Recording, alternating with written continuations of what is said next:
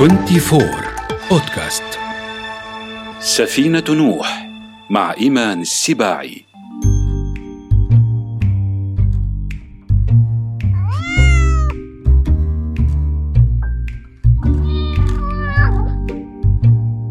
ترى ماذا يحدث إذا اختفت القطط من العالم؟ هل فكرتم يوما أن تعيشوا في عالم لم يعرفوا هذه الكائنات اللطيفة والمثيرة؟ أهلا يا أصدقائي.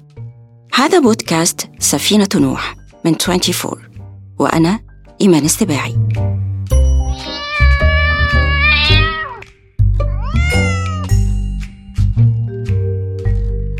لا أحب ولا أستطيع أبدا أن أعيش في عالم لا تسكنه القطط. ما رأيكم أن تكونوا في رفقتي إلى هذا العالم الغريب والأليف في الوقت نفسه؟ وبمناسبة القطط التي تختفي أريد أن أحكي لكم حكاية. لا أذكر اسم ذلك القط لكني أذكر أن صاحبته لم ترى دون رفقته إلا مرات قليلة. كنت في الثانية عشرة من عمري وكانت جارتنا وفاء شابة جامعية جميلة. صداقة وفاء وقطها السيامي الذي لا أذكر اسمه فنسميه روميو مثلا. كانت تثير دهشة جيراننا فتخرج وفاء تحمله كأنه رضيعها. متعلقا في رقبتها وأراها من شرفتي في الطابق الرابع إذ كانت تسكن مع أسرتها بالطابق الثاني تحمله متسلية معه بحركة الشارع البطيئة تمد كفها من وقت لآخر وتدعه يلعق طعامه على كفها ثم يزدرده مستمتعا. أما إذا علت أصوات ضجيج السيارات فكانت تضمه أكثر إليها فيتشبث بها وهما يتابعان حركة المارة والعربات. ليشعر بالإطمئنان. إذا طلبت مني أمي أن أسأل وفاء أو طنط ام وفاء عن شيء أذهب إلى شقتهم فأراه جالسا على كنبة أظن أخذها بوضع اليد والذيل والجسد كله. ولا يسمح إلا لوفاء بالاقتراب منها.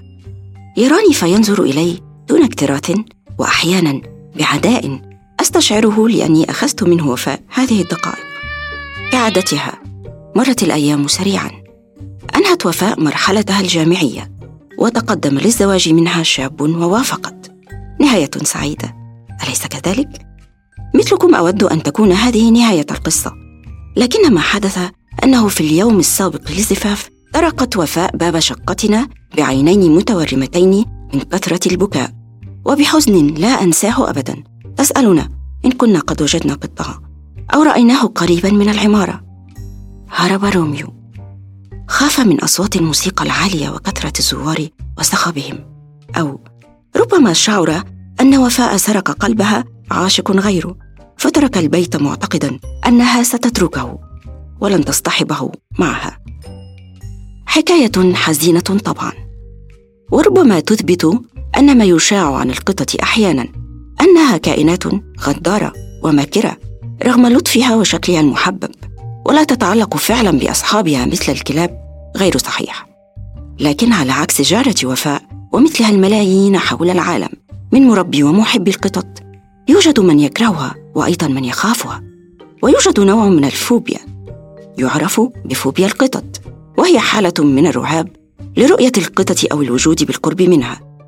ربما يكون لهذا أسباب تتعلق بماض عائلي مع الرهاب أو لتجربة سيئة مع القطط. وفي أحيان أخرى.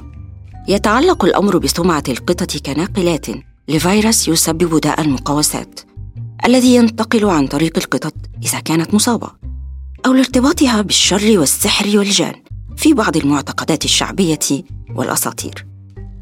الكاتب الأمريكي إدغار ألان بو أشهر من كتب أدب الرعب القوطي وهو نوع من الأدب الرومانتيكي يسرد أحداثا غامضة ومرعبة.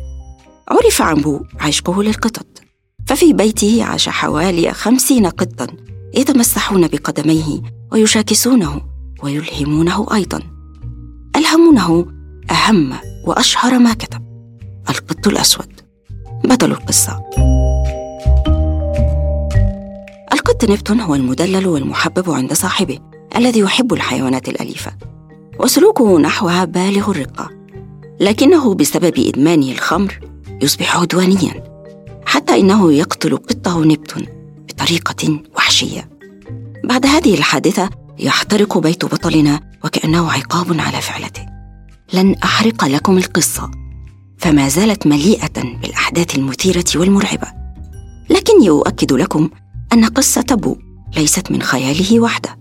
فالفزع المرتبط بالقطط وقدرتها على إلحاق الأذى بمن يرتكب إثما وما انتشر عنها من قدرات خارقة موجود في أساطير بعض الشعوب. وللقطة عند المصريين القدماء مثلا خصوصية ومكانة كبيرة. فهي الإلهة باستت ابنة رع اسمها يثير الفزع. ورسمت في البداية كلبؤة ثم قطة. وعند الجماعة الشعبية حكايات كثيرة تذكرنا بحكاية إيدغار ألامبو عن قطط انتقمت ممن قتل أبنائها بإلحاق الأذى بهم. أو حرق بيوتهم. هناك حكاية أحبها كثيرا عن القطط في مصر خصوصا في صعيد مصر. اسمها التوأم السارح. فيعتقد أن المولود الثاني في حالة التوأم تتلبسه روح قط ليلا فيخرج من بيته ويقوم بجولة ليلية في بيوت أقاربه وجيرانه خصوصا تلك التي يوجد بها طعام يحبه. فيكون بذلك مطلعا على أسرار تلك البيوت. وإذا تعرض شخص ما للقط بأذى كان يضربه مثلا. عندما يستيقظ الطفل يكون قد عاد وقتها إلى الحالة الآدمية يشكو من علة القط نفسها ومكان إصابته نفسه. خفتم يا أصدقائي؟ أرجوكم لا تخافوا. فمعظم ما يروى عن القطط نتاج الخيال الشعبي وما ورثه من أساطير عبر العصور. أما قطط اليوم فهي مثل روميو العاشق الولهان الذي اختفى. هل وجدتم إجابة لسؤال أول الحلقة؟ متى يحدث إن اختفت القطة من العالم؟ سيزيد عدد الفئران وتحتل الأرض. سيحزن الفأر جيري ويشعر بالملل لغياب مشاكسات القط توم سيصبح العالم مكانا ثقيل الظل دون لعب وهرهرة ومياو. صح. إجاباتكم صحيحة. إلا إجابة هذا الصديق هناك والذي سمعته قطتي البيضاء سيمو يقول أحسن خليها تختفي. تمنوا معي ألا يختفي أي من حيوانات عالمنا الباقية. بعدما فقد واختفى بالفعل فكل نوع منها سبب في أن تظل الأرض مكانا صالحا للحياة. ولكل من لديه شغف بالقطط الصغيرة تابعوا حلقتنا القادمة عن القطط الكبيرة. الأسود. قطط كبيرة. هل هذه التسمية صحيحة أصلا؟ أسمع زئير أسد غاضب يقترب مني. الآن الآن مضطرة أن أترككم حالا. إلى اللقاء.